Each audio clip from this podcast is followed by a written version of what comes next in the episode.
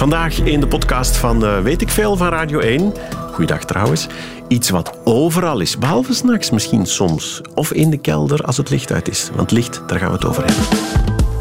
Radio 1. Radio 1. Weet ik Veel met Sven Spijbroek. Goedemiddag. Daarnet bij Evert heeft hij een plaat gedraaid van Wet, Wet, Wet. Want het ging uh, over wit. Hè. Voor West-Vlamingen is dat dan Wet, Wet, Wet. Vandaag hebben we het over lucht. voor West-Vlamingen, voor de andere mensen gewoon licht. Met Vincent Ginnis. Uh, ben jij West-Vlaming, Vincent? Nee. nee. Je bent uh, een, een fotonicus, of wat moet ik ja. het noemen? Een lichtkundige, hè? Een lichtkundige. Maar het is een half wonder dat jij in het land bent.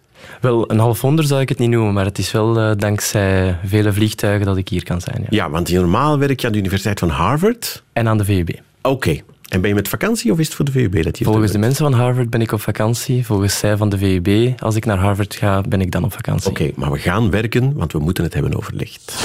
Radio 1. Weet ik veel? Uh, Vincent Guinness. Ja. Je bent uh, fotonicus. Ik heb net bij Evert ook al iets verklapt. Je, je onderzoekt niet alleen licht, maar ook onzichtbaarheid. Hè? Daar moeten we het zeker over hebben. Juist, ja. Maar je kan niet over onzichtbaarheid praten zonder te begrijpen wat licht is. Nee, dat is de volgorde. Ik moet de verschrikkelijke vraag stellen, wat is licht? Ja. Dat is, die is alleen verschrikkelijk, is razend interessant, maar dat antwoord dat gaat oneindig moeilijk worden. Hè?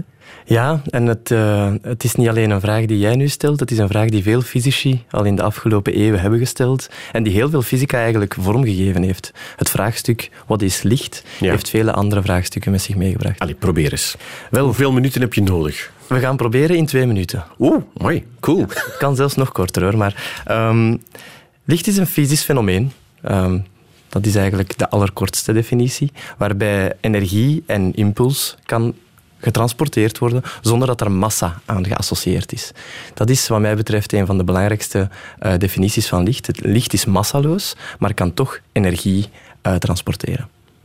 Oké, dus het is energie, zoals wat is het, een elektromagnetische straling? Is dat ook ja, licht? Ja, en dat is um, vele jaren later, dus in de, in de 18e eeuw, is men erachter gekomen, in de 19e eeuw eigenlijk, dat licht een elektromagnetische golf is. Met andere woorden, elektriciteit en magnetisme zijn geen aparte dingen meer, maar die zijn één elektromagnetische golf die zich voortplant aan de lichtsnelheid. Ja, en wat nu wordt uitgezonden op de radio, ja. dat is nog altijd, dat is ook zo met elektromagnetische golven. Hè? Dat is zo, ja. Maar die zie je niet. En die zie je niet. En dat is denk ik een van de belangrijkste dingen die um, vaak over het uh, hoofd gekeken worden. Dat wij spreken over radiogolven, over lichtgolven, over um, microgolven. microgolven. Van de microgolven. En dat we te weinig erbij stilstaan dat dat eigenlijk allemaal één en hetzelfde ding is. Dat is allemaal hetzelfde uh, fysische fenomeen, een elektromagnetische golf, die zich voor de meeste fysische eigenschappen op exact dezelfde manier gedragen, maar die gewoon een andere kleur hebben. Net zoals rood licht anders licht is dan blauw licht en groen licht, zijn X-stralen en microgolven gewoon andere kleuren van hetzelfde fenomeen. En welke kleur hebben radiogolven? Radiogolven hebben de meest rode kleur. Met andere woorden, dus als je rood en blauw op één lijn zou zetten, dan staan de radiogolven helemaal heel, heel rechts van het rode. Maar wacht, die, die, kan je toch gewoon niet zien? Die kan je niet zien en dat is omdat onze ogen maar een wel bepaald deel van het elektromagnetisch spectrum kunnen zien. Ah, bestaan er dieren die radiogolven kunnen zien, bijvoorbeeld? Geen dieren die ik ken, uh, maar er bestaan wel degelijk dieren die uh, meer licht kunnen zien dan wat wij kunnen zien. Er zijn zeker dieren die infrarood kunnen zien. Hè. Heel veel nachtdieren bijvoorbeeld um, kunnen ja, infrarood zien om op die manier warmtebronnen ja. te kunnen zien. Want hoe zit dat weer aan, aan, aan, beide zijden van het spectrum? Van wat wij zien, ja. dat, dat is wit licht, zeg maar. Ja.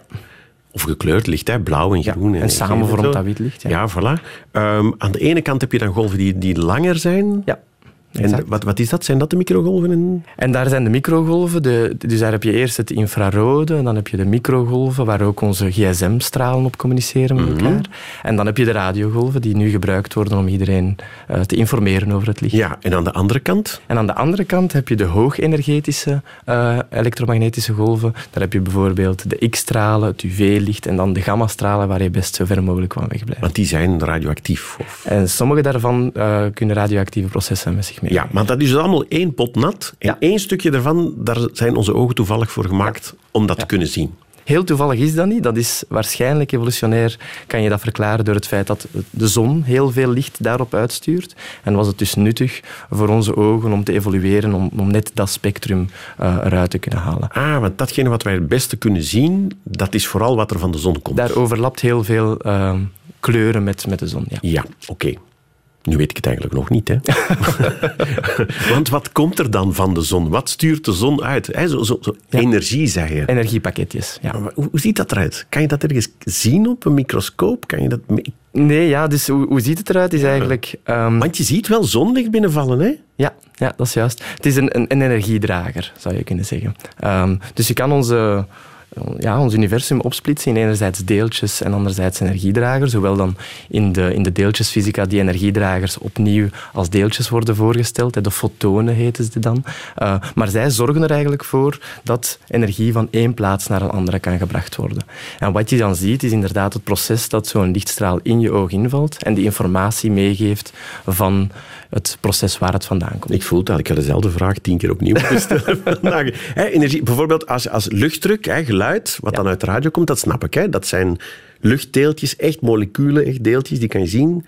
Die botsen tegen elkaar, die geven een drukgolf en dat voelt dan in je oor. Dan gaat je oordeel, dat is geluid. Ja. Maar zit het bij het licht? Ja, dat Is, is... enfin, ja, de, de, de, de eeuwige vraag is dat kip of tij, is het een golf of een deeltje, heet dat dan zeker in de fysica? Maar- Maar, maar- wat voor een deeltje zou het dan moeten zijn? Want het is geen moleculen, er bestaat een- geen lichtmoleculen. Inderdaad, het is een massaloos deeltje. Dat is de reden waarom dat ik in het begin benadrukte van het, het heeft geen massa nodig om, om ehm, ja, energie van één plaats naar een andere te brengen. En het is eigenlijk frappant. De, de, de moeilijkheid die je nu hebt om het in te beelden, is een moeilijkheid die wetenschappers doorheen de eeuwen gehad hebben. Dus het, het zou een beetje raar zijn mochten wij daarom niet onmiddellijk zeggen van... Ik ben een "Ah goede ja, middeleeuwer eigenlijk. dat klinkt allemaal heel logisch. Eigenlijk is het heel gezond dat we hier moeite mee hebben. Ehm, omwille van het feit dat als, wanneer wij aan een golf denken, dan denken wij onmiddellijk aan een medium waar dat die golf in bestaat. Het typische voorbeeld van een golf is een watergolf. Ja. Wel, een watergolf is, een, een, Het zijn waterdeeltjes. Ja, is eigenlijk een verstoring van die waterdeeltjes die op en neer gaan Ja. en op zo op een bepaalde snelheid vooruit gaan.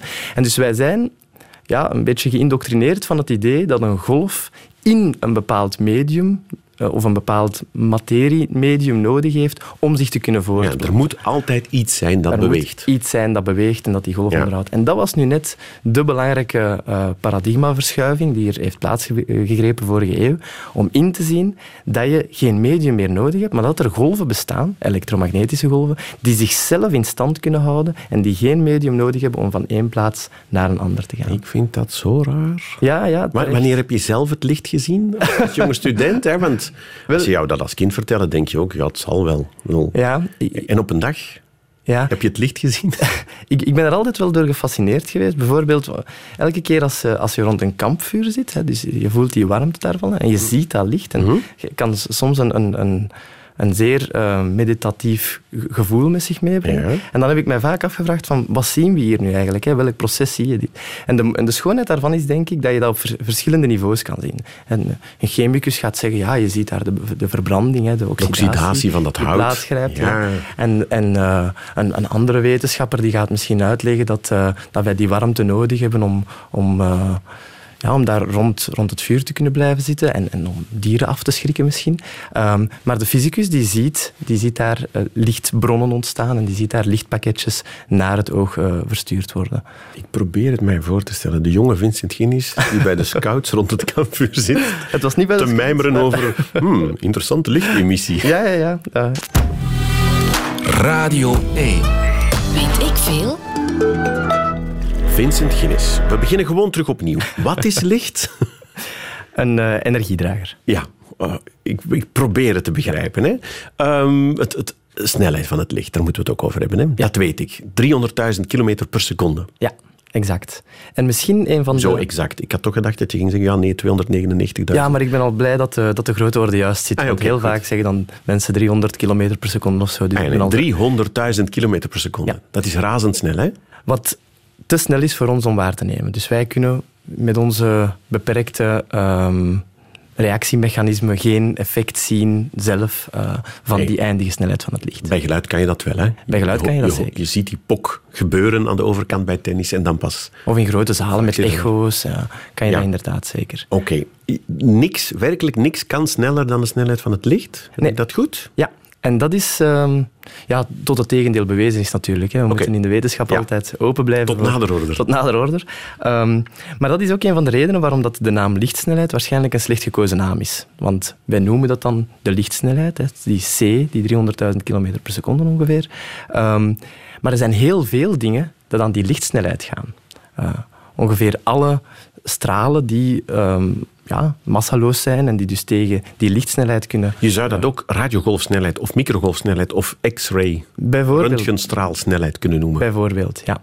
Ehm, dat is het eerste probleem. En het andere probleem is dat licht zelf ook niet steeds aan de lichtsnelheid ehm, van de ene plaats naar de andere gaat. Ah, nee. Dus dat hangt af van enkele dingen, zoals bijvoorbeeld de brekingsindex, de dichtheid van het medium waar eh, licht doorheen aan het propageren is. En dat zorgt ervoor dat licht soms trager dan de lichtsnelheid van één punt naar een andere gaat. Propageren, die moet ik onthouden voor op Ja, café. ja, Ehm, dus probeer mij voor te stellen, hè. als licht door de lucht gaat, dan gaat het snel. En als het door ijs gaat, of water, of confituur, of Ja. zo, dan, dan gaat het trager. Dan gaat het een pak trager. Echt? Ja, ja, Een pak? Zeker. Ja, dat kan, ehm, dat kan echt wel een serieus verschil maken. Kan je echt met een pot confituur licht afremmen? ja. Cool. Ja, ja, ja. Je kan, wel, laat ons zeggen, de, de, de grote orders van normale brekingsindices gaan tussen 1 en 10. Dus je kan wel degelijk door een, een heel dens medium te nemen, een hoge dichtheid, Ja. kan je de lichtsnelheid met ongeveer een factor 10 vertragen. En mijn blok beton, stopt het dan?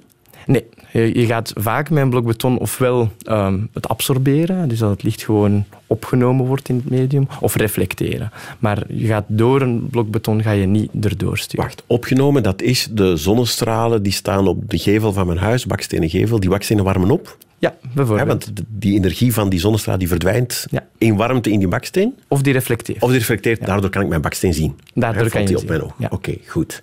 Eh, maar dus licht stilzitten lukt niet. Wel, ehm, helemaal stilzitten, dat lukt zeker niet. Maar er zijn wel degelijk wetenschappers bezig met het vraagstuk hoe we licht zoveel mogelijk kunnen vertragen. Ehm, dat is zeker een, een, een hot topic, zoals het dan heet, in onze, in onze onderzoeksveld. Ja. Ehm, omdat je wel degelijk, om, om de hele snelheid van het lichtverkeer te optimaliseren, moet je op sommige plekken het licht kunnen vertragen. Net Wat? zoals Het lichtverkeer? Ja, het lichtverkeer. Hè. Dus heel ons eh, communicatienetwerk, eh, wanneer wij op internet zijn, wordt via glasvezels van de ene plaats naar de En dat is andere. met lasers en, en met... Lasers, glasvezels, Ja, ja. die zorgen ervoor. En net zoals dat in het traditionele verkeer van toepassing is, wanneer je iets sneller wilt laten gaan, dan moet je soms een keer ergens een punt hebben waar je dingen een beetje vertraagt. Hm. Een kruispunt waar de dingen sommige lichtpakketten samen toekomen. Ja. Dan moet je ervoor zorgen dat je kunt zeggen tegen één pakket, jullie moeten even wachten terwijl de andere doorgaan en op die manier Er bestaan in die glasvezelkabel lichtfiles. er, wel, we proberen ervoor te zorgen dat de En files je zou denken, worden. als het moet vooruit gaan, dan probeer je het zo snel mogelijk te laten gaan. Maar nee, nee, nee. Inderdaad. Je wil het trager laten gaan. ja. En die files Een die soort worden blokrijden voor licht. blokleiden voor licht. Ja. En die, die ontstaan eigenlijk door het feit dat je soms in die vlaske- eh, eh, glasvezelkabels ehm, het licht even moet omzetten terug in elektrische signalen, om daar ja, een beetje ehm, ja, informatieverwerking aan toe te passen. Dat wordt heel technisch. Maar die omzetting die gebeurt zeer traag. En dat is de reden waarom er files ontstaan. En dat is ook de reden waarom, waarom soms je licht een beetje moet kunnen vertragen. En hoe doe je dat dan? Ja, dat is een, een moeilijk vraagstuk. Want licht wil nu eenmaal eh, vaak aan Vooruit, de lichtsnelheid ja. vooruit gaan. Hè. Dat is de reden waarom het er is. Ehm, en ja, dat is, dat is niet eenvoudig. Een van de manieren die wetenschappers gebruiken is artificiële media ontwerpen. Ehm, dus waarbij je niet gewoon glas gaat gebruiken of zand of, of ja, beton, zoals dat je daarnet zei. Eh, maar waarbij dat je op het microscopische niveau de materialen zelf gaat maken. Dus echt door gebruik te maken van nanotechnologie, de eh, atomen in een welbepaalde configuratie plaatsen, zodat wanneer dat zij interageren met het licht, er een nieuw soort van fysica ontstaat, waardoor licht tijdelijk eh, vertraagd wordt. Is het een soort mini, mini, mini dolhofje wat je maakt, Eigenlijk waar dat licht in verdwaalt en dan... Dat is wel een leuke metafoor. Dus je kan het zien als een, als een soort van doolhof gemaakt door ja, de, de nanotechnologische equivalent van een spiegel. Dus zeer, zeer kleine spiegels, die ervoor zorgen dat licht een beetje eh, de weg de weg kwijt is. En pas dan los je terug. En pas daarna laten we terug. Ah ja, ja. Zeg, ehm, je kent hem allicht, hè? maar ik moest er toch aan denken. eh, je hebt een raket en die gaat dan de, de lichtsnelheid. Ja. Je weet wat ik nu ga zeggen, hè? En die steekt zijn koplampen aan. ja, Wat gebeurt er dan? die zal zijn eigen koplampen niet zien. Er, er zijn heel veel ehm, van dergelijke eh, vraagstukken die je kan stellen. Het eerste antwoord is natuurlijk, het is onmogelijk. Hè. Dus dat is de makkelijkste manier om... eh, Wacht, dat, dat licht hè, dat van die koplampen moet vertrekken aan de lichtsnelheid wordt ingehaald door de raket die aan de lichtsnelheid vliegt. ja, Dus er gebeurt niks. dus er- dat licht raakt niet weg uit de Dat- koplampen. Nee, dus er is dus geen superpositie, zoals het dan heet in de fysica. Je kan geen optelling doen van de lichtsnelheden. Dat je zegt van één keer lichtsnelheid plus twee keer lichtsnelheid. eh, twee keer wordt- lichtsnelheid? Ja, wordt nog een keer lichtsnelheid. Dat gebeurt dus niet. Dus de absolute snelheid, de absolute maximum dat licht zal kunnen gaan, blijft die lichtsnelheid. En dat zorgt voor een heel aantal paradoxen.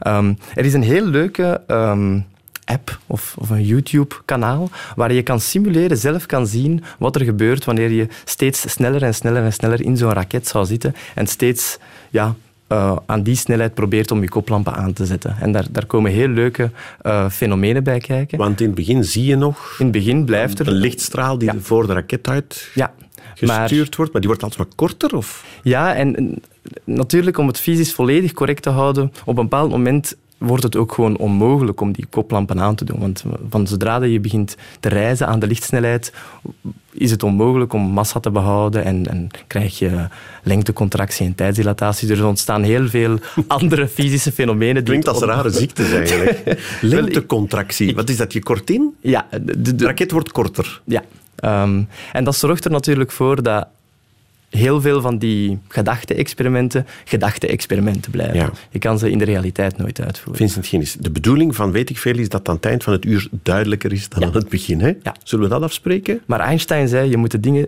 zo duidelijk mogelijk maken en zo eenvoudig mogelijk, maar niet eenvoudiger dan dat. Weet ik veel?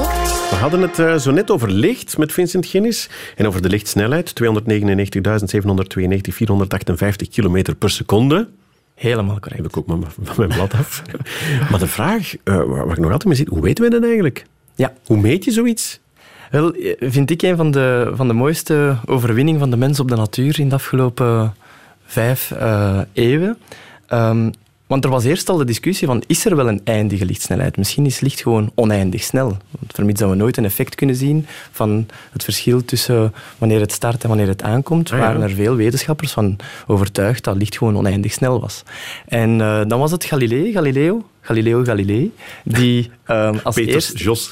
die volgorde? als eerste overtuigd was. Er is een eindige snelheid. En hij ging dat aantonen. En hij had eh, wat wij nu zouden noemen een naïeve poging, maar ik vind het wel een, een heel leuke poging om dat te doen. Want hij ging met een, met een knecht op stap en hij ging op eh, ja, een top van een berg staan en hij vroeg aan één of meerdere van zijn knechten om aan een andere, op een andere bergtop te gaan staan, verschillende kilometers van hem weg. Echt een serieuze afstand. En dan had hij de bedacht van, kijk, ja, hoe meet je een snelheid? Je meet een afstand die wordt afgelegd en je meet hoe lang licht nodig Onderweg heeft is. om die afstand af te leggen. Ja. Je deelt die twee door elkaar en je hebt een snelheid. En hij vroeg dus aan zijn knecht om op die andere bergtop te gaan staan, zodat ze elkaar konden zien Mhm. en daar een spiegel mee te nemen. En wat Galileo dus deed, is hij had een, een kaars bij. Toen, toen gebeurde dat nog met kaarsen, Ja. niet met lasers. Mhm. En hij hield daar een, een scherm voor. Hij hield het scherm weg en hij keek Hoe lang, hoe duurt lang het het duurde voor ik in vooraleer die hij zijn eigen kaars terug zou zien. Ja. Onmiddellijk Ja, dus. nu noemen we dat dus naïef, maar Ja. allee, toen was dat nog echt wel een leuk idee. Dus maar als, Ehm. als die knecht eh, op een bergtop 300.000 kilometer verder zou staan, met, met die ronding van de aarde zie je niet meer Dan zou het niet werken. nee. Maar dan zou het een seconde duren. Nee, zou het eigenlijk twee. Eén heen en nog eens één terug. Juist. Ja. Voor. Trouwens, een seconde, dat is waar dat de maan staat. Dus de, de, de maan staat op een lichtseconde van ons. Als de knecht op de maan zou staan, Ja, dan zou het twee seconden dan duren? zou het twee seconden duren. Oh, wauw. En de zon zou acht, wel twee keer acht minuten duren. Dat is hoe ik nadenk over de Op, afstanden. op de zon staan is moeilijk voor een Dat is moeilijk. Van Galilei. Enfin, maar dus, hij, hij, hij- hij heeft niks ontdekt dan, hè? Dus de reactiesnelheid van het menselijk lichaam is trager dan die Ja. snelheid van het licht. Ehm, maar het idee was er wel. Hè. Dus dat is inderdaad de manier hoe dat je een lichtsnelheid zou meten. Je zet een vaste afstand en je meet hoe lang het nodig is.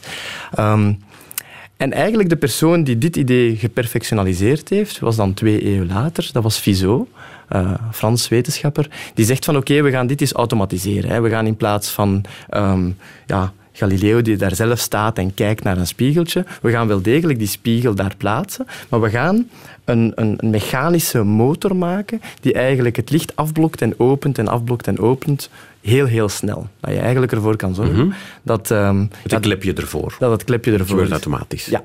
En door die snelheid op te drijven en steeds sneller die motor te laten draaien voor eh, die lichtstralen, dat die lichtstraal slechts heel even open, dat de weg heel slecht open staat, ehm, is hij erin geslaagd om onze lichtsnelheid, zoals we ze nu kennen, te meten. En dus effectief aan te tonen dat het daar dicht bij 300 Maar het gaat zo snel dat je het zelf niet kan zien, dat zei je in het begin. Ja, Had hij dan een soort lichtmeettoestelletje? Of? Ja, hij had ervoor gezorgd dat de, de, de opening van het pad waar het licht door moet slechts heel kortstondig open staat. En dus door, door die snelheid op te drijven, kan je ervoor zorgen dat op een welbepaalde snelheid het licht er niet meer door kan. Hè, dat het niet snel genoeg terug was om door het gleufje te zijn. ja, oké, oké. En eh, kan het licht er niet meer door. Dus dat was eigenlijk... de En dan weet je, nu zit ik voorbij de lichtsnelheid. Nu ben ik, heb ik Dan moet je sneller- motor hebben dat nog sneller heb draait ik dan... sneller het klepje open en toe gedaan dan de tijd die het licht nodig heeft om helemaal naar de andere bergtop te gaan en terug te komen. Ik snap het. cool. Een ander probleem. Ehm, dat heeft met donker te maken. Ja. Als, eh, God, het is ook zo'n klassieker uit de fysica, maar ik heb het nooit helemaal goed begrepen. Eh, waarom is het s'nachts donker? Ja, Dat is eigenlijk de vraag, hè? want het hangt helemaal vol met stellen, sterren, miljarden, miljarden, miljarden. Die geven allemaal licht. Dat komt allemaal op ons af. ja. Het zou eigenlijk een dag het klaarlichte dag moeten zijn. Ja, ja het is het, eh, het enige experiment, denk ik, of toch een van de weinige experimenten die ik ken, die elk levend wezen die ooit heeft geleefd, ehm, heeft meegemaakt. Hè. Allee, als je tenminste één nacht hebt meegemaakt, dan heb je gezien dat het s'nachts donker wordt. En daar zit vrij veel informatie in dat ene experiment. Hè. Dus dat het s'nachts donker wordt. En eh, Olbers was de eerste die dus deze paradox naar voren bracht. Hè. Het feit van, s'nachts wordt het wel heel donker. Hè. Zeker als je eh, ergens weg gaat staan van de lichtvervuiling die wij Mhm, nu op vele ja. plaatsen hebben. Ehm, ondanks het feit dat wij toch denken dat er zoveel sterren zijn. En als je eronder veronderstelt dat het universum oneindig groot is, dan zou er in elke mogelijke richting waar je kijkt ergens wel een ster moeten staan. Zou dat sterlicht naar ons toe moeten komen en zou het eigenlijk zeer, zeer helder moeten zijn s'nachts. Maar dat is het niet. En dat is het niet. Ehm, en daar waren vrij veel antwoorden op. Ehm, Van wanneer dateert die, meneer Olmers? ja, eh, 1820 ergens heeft hij die paradox eh, geformuleerd. En ja, in het begin waren mensen zo daar een beetje... eh, ze hadden moeilijkheden met die paradox. Hè, want het klinkt weer al zo bijna tot om voor woorden om, te zeggen van waarom zou het s'nachts Dat is gewoon zijn. zo. Ehm, dat is gewoon zo. Ja. En, de meeste antwoorden in het begin die gingen gewoon in de richting van ja, kijk, dat betekent dus dat het universum niet oneindig groot is. Maar dat is er u een beetje makkelijk van afmaken. Ten meer, daar hadden we eigenlijk geen bewijs voor op dat moment.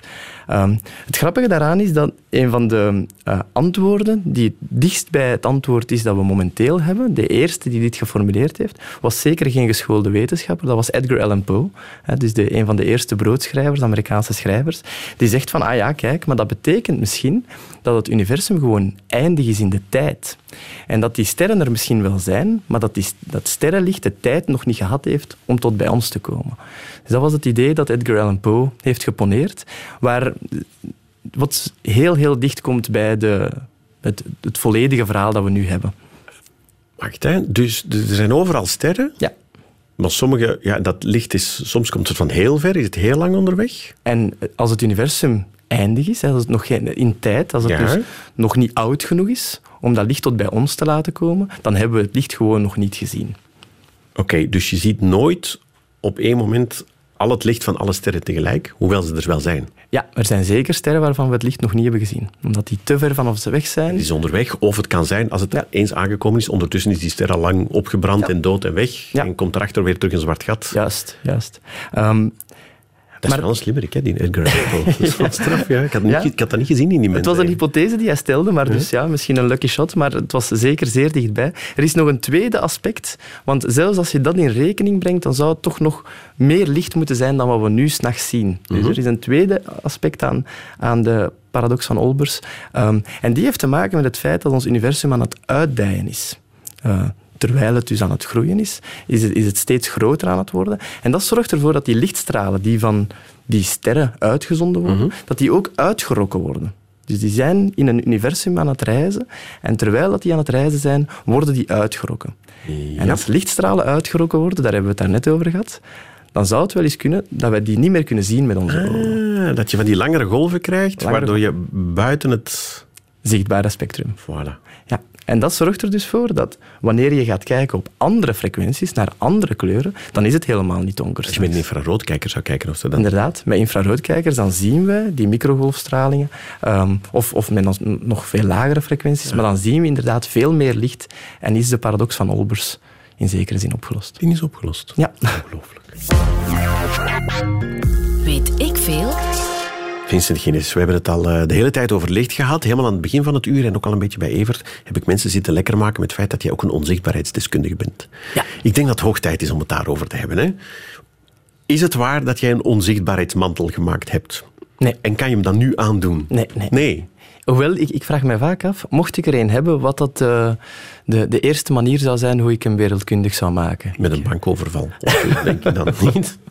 Maar, maar je bent er wel aan aan het werken, hè? of aan aan het zoeken. Hè? Wel, ik, ik doe theoretisch onderzoek naar eh, hoe licht interageert met materialen, met van die nieuwe gecreëerde materialen, metamaterialen noemen ze soms. Dus dat zijn die materialen die we ehm, microscopisch op nanoschalen eigenlijk ehm, gaan maken door de atomen op een welbepaalde ma- eh, manier te gaan Ja, plaatsen. want daarnet zei je, hè, als daar licht op valt, bijvoorbeeld, zou je licht kunnen vertragen. Ja, dat is een van de dingen die ehm, metamaterialen kunnen Ja, doen. normaal, als je iets ziet, dan is het gewoon, er valt licht op, dat wordt teruggekaatst. Ja. En ik zie dat, dat valt op mijn oog. Ja. Om iets onzichtbaar te maken, moet, het, moet je dan zorgen dat het niet terugkaatst? Wel, dat is een Of- van de manieren die eh, gebruikt worden om alleszins iets minder zichtbaar te maken. Als je ervoor zorgt dat iets niet terugkaatst, als, als een, een oppervlak licht niet kan terugkaatsen door het bijvoorbeeld te absorberen, dan kan je er inderdaad voor zorgen dat ehm, volgens sommige manieren om dingen te zien, dat je ze niet meer kan zien. En ik bedoel met sommige manieren bijvoorbeeld radardetectie. Met, met, radars is de manier eigenlijk om, om een vliegtuig te zien Ja, vliegen. dat zijn ook stralen. dat zijn stralen die Botsen uitzenden. tegen dat vliegtuig, komen terug, die radar pikt dat op. Ja, exact. Ja. En als je dus ervoor kan zorgen dat je vliegtuig bedekt wordt met een welbepaald materiaal dat alle stralen absorbeert, eh, dan is het vliegtuig onzichtbaar voor die radarsignalen. Ehm, Oké. en dat is ook een techniek die al eh, enige jaren gebruikt wordt in de zogenaamde steltvliegtuigen. Ja. Daar wordt een, laag op gelegd die lichtstralen ehm, absorberen. Nee, die radarstraling. absorbeert. Ja, la- ja Hè, radarstralen. want als zo'n steltvliegtuig voorbij komt gevlogen, Juist. zie je dat dan met, je oog? Met onze ogen zien we dat. Oké. Ja. Kan je iets maken waardoor je het niet zou kunnen zien? Waardoor de lichtstralen van de zon ook worden geabsorbeerd door dat vliegtuig? Dat kan je wel degelijk doen. Je kan ervoor zorgen, er bestaan materialen die ook licht in het zichtbare spectrum absorberen, waardoor je dus ehm, een vliegtuig alleszins niet meer licht zou kunnen zien reflecteren. En dat dus al het licht geabsorbeerd wordt. Wat, wat, wat zie je dan voorbij vliegen? Want Wel- is dat dan een, een groot dik zwart gordijn? Of, of... Dat is het ding, hè. Onze, onze ogen zijn slimmer dan dat. Het is niet, gewoon, het is niet voldoende dat je de lichtstralen eh, absorbeert en dat je ervoor zorgt dat er niks gereflecteerd wordt. Want onze ogen zeggen dan, of onze hersenen zeggen dan, ja, maar kijk, ik zie daar een mooie blauwe lucht en dan opeens is daar een, een zwarte plek waar geen licht vandaan komt. Dat is echt zwart. Dat is dan ziet. puur zwart. Ja. Ja, want het licht dat er achter dat vliegtuig zit, van de blauwe lucht, die, reflect, die raakt niet door Die er niet vliegtuig. door. Nee. En dat is dus de echte moeilijkheid. Ehm, lichtstralen absorberen, dat kunnen we al enige tijd. En, en daar bestaan vrij veel technieken voor. Maar de echte moeilijkheid is ervoor zorgen dat er geen schaduw is. Dat met andere woorden, het licht van de ene kant van het vliegtuig geleid wordt naar de andere kant van het vliegtuig. Dat je kan zien wat er zich achter het vliegtuig bevindt. Ehm, en dat is iets dat ehm, vele wetenschappers, vele optici, een, goede 15 jaar geleden zouden gezegd hebben, ja oké, zoiets is onmogelijk. Daar, daar hebben we echt geen materialen voor om, eh, om dat te gaan ontwerpen of, of zelfs maar te berekenen welke materialen we nodig hebben. want, dus je zoekt niet naar een vliegtuig dat volledig transparant is, zeg Nee. maar, hè, van glas is of zo, waar, waar het licht gewoon doorgaat. Nee, je zoekt iets, het licht komt aan de ene kant aan, Ja, en dan moet je het omleiden, Ja. en dan moet je terug rechtdoor gaan, alsof het vliegtuig er nooit geweest is. alsof het er niet geweest is. Ja, dat gaat niet. Hè. Nee, dat is- Houd daar maar mee op. Heb je nog andere dingen die je kan onderzoeken? Maar, maar er zijn veel redenen waarom, waarom het heel moeilijk is. Maar enkele jaren geleden, alleen ondertussen al twaalf jaar geleden, hebben twee wetenschappers ingezien dat je technieken kan gebruiken, ehm, ja, wiskundige technieken kan gebruiken om te berekenen welke materialen je nodig hebt om zoiets te doen. En zij gebruiken daarvoor ja, ehm, verregaande wiskundige technieken die Einstein ook gebruikte bij de algemene relativiteit. Want zij beschrijven dat wat je eigenlijk nodig hebt, is een kromming. En net zoals een, een, een grote massa in, in, in ons sterrenstelsel licht rond zich heen kan krommen door het feit dat, dat er een zwaartekracht heerst en dat licht dus het pad van de kortste afstand volgt en soms is dat een gekromd pad, kan je... Als een lichtstraal door het heelal gaat en die gaat langs een grote dikke planeet, zeg Ja. Wordt Dan buigt je wat af door de zwaartekracht, wordt die aangetrokken. Ja, exact. Ja. En dat formalisme, dus die berekening, hoe dat je die kromming berekent, is eigenlijk hetzelfde dat je nodig hebt bij zo'n vliegtuig. Want wat je eigenlijk wil, is dat ook rond het vliegtuig de banen van het licht er rond gekromd worden. En dat het licht naar het vliegtuig toe komt en dan, net wanneer het er naartoe gaat, alsof een soort magnetisch veld er Ja. rondhangt. Ja, Zoiets. hoewel magnetisch veld... Ik weet het, maar zo gaat dat in science fiction films. Dat is altijd met magnetische velden en zo. Want die En interageren niet met licht. Maar, maar inderdaad, dat heb je in zekere zin nodig. Dat het allemaal rondgebogen wordt en dat het dan niet geabsorbeerd wordt, maar gewoon verder reist alsof er niks gebeurd is. En kan dat al? En dat is inderdaad, eh, daar is een techniek voor ontwikkeld en dus ook materialen voor ontwikkeld om dat te kunnen doen. Ehm, er zijn reeds een heel aantal voorbeelden, weliswaar in een labo-context, dus iets waar wetenschappers heel fier op zijn en heel eh, enthousiast over zijn als ze het zien gebeuren. Maar als je dat dan gaat tonen aan iedereen, gaan ze zeggen, ja, maar dat is nu toch wel een hele kleine onzichtbaarheidsmantel. Of ik zie daar toch nog altijd wel iets staan. Dus het, is- het is- het blijft nog zeker een, Het is een, dus een de hoogte van één moleculetje of zo. Bijvoorbeeld. Je hè. het Dus licht de- rond stuurt. allereerste onzichtbaarheidsmantel was zo klein dat je hem niet kon zien. maar hij, hij bestond er wel. Hij, hij was er. Ehm, Oké. en ondertussen is hij... eh, Hoe heet dat materiaal? Of wat is dat voor iets? Dat zijn metamaterialen. Dus dat zijn materialen die werkelijk bestaan uit verschillende soorten van natuurlijke materialen die je samenbrengt Ja. op ja, schalen. Maar heeft dat al een naam? Kan ik dat bestellen op het internet in China? Of? Je, je, kan, je kan wel enkele labo's bezoeken waar ze dit momenteel aan het maken zijn en daar eh, geven ze dan grote exposés rond. Maar eh, je kan nog, nog geen metamateriaal En hoe, bestellen. hoe groot is het huidige onzichtbaarheidsmanteltje? De grootste die ik ken, weliswaar... kan je er al een kevertje mee onzichtbaar maken? Wel, er, er kunnen al katten onzichtbaar gemaakt Oh. worden. Ja, fysici hebben iets met katten en er zijn, er zijn onzichtbaarheidsmantels ter grootte van een kat ongeveer. Ehm, En moet je die katten een jas aandoen in dat materiaal? Nee, of moet dus, die eh, vol spuiten met, met verf? Of hoe? Het is een, een cilinder die gemaakt is ja, uit dat metamateriaal. Ja. En die, die heeft een, een, binnen, een, een holle ruimte eigenlijk, hè, binnenin. En daar kan een kat ingestoken Daar kan je worden. meteen wat in stoppen eigenlijk. Ja. ehm, Maar toch al iets ter grootte van ongeveer een, een dikke kat. Maar het nadeel daar is, hoe groter dat je ze maakt, hoe moeilijker het natuurlijk wordt om ze te maken. En ook hoe meer dat je ziet dat toch wel kleine eh, fabricatiefouten grote gevolgen kunnen hebben. Dus dat, dat is de reden waarom het zeer moeilijk is om ze opeens ter grootte van mensen te maken of groter. Ehm, maar je kan wel degelijk die materialen maken ehm, en ervoor zorgen dat er op betrouwbare manier door iets heen kan gekeken worden.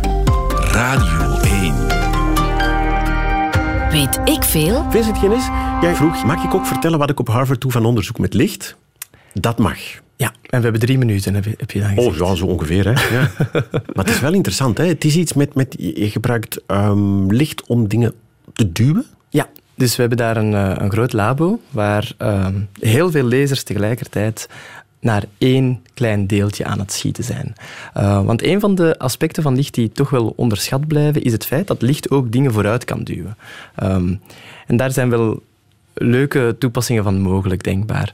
Ehm, Ik probeer het mij voor te stellen. Als je heel, heel veel licht, ja, lasers dan, heel geconcentreerd, tegen iets aan schiet, ja, dan kan dat kan toch dan kan het beginnen bewegen? worden. Meer zelfs dan dat, licht kan ook selectief sommige dingen laten bewegen en andere dingen niet. Dus je kan licht op een hele hoop moleculen aanschieten en door de parameters van dat licht juist te kiezen, de kleur bijvoorbeeld van dat licht juist te kiezen, of de intensiteit, gaan sommige moleculen in de ene richting wandelen en de andere gaan in de andere richting geduwd worden. Zo kan je... Behalve om iets omver te schieten, wat dan wel grappig is enzovoort.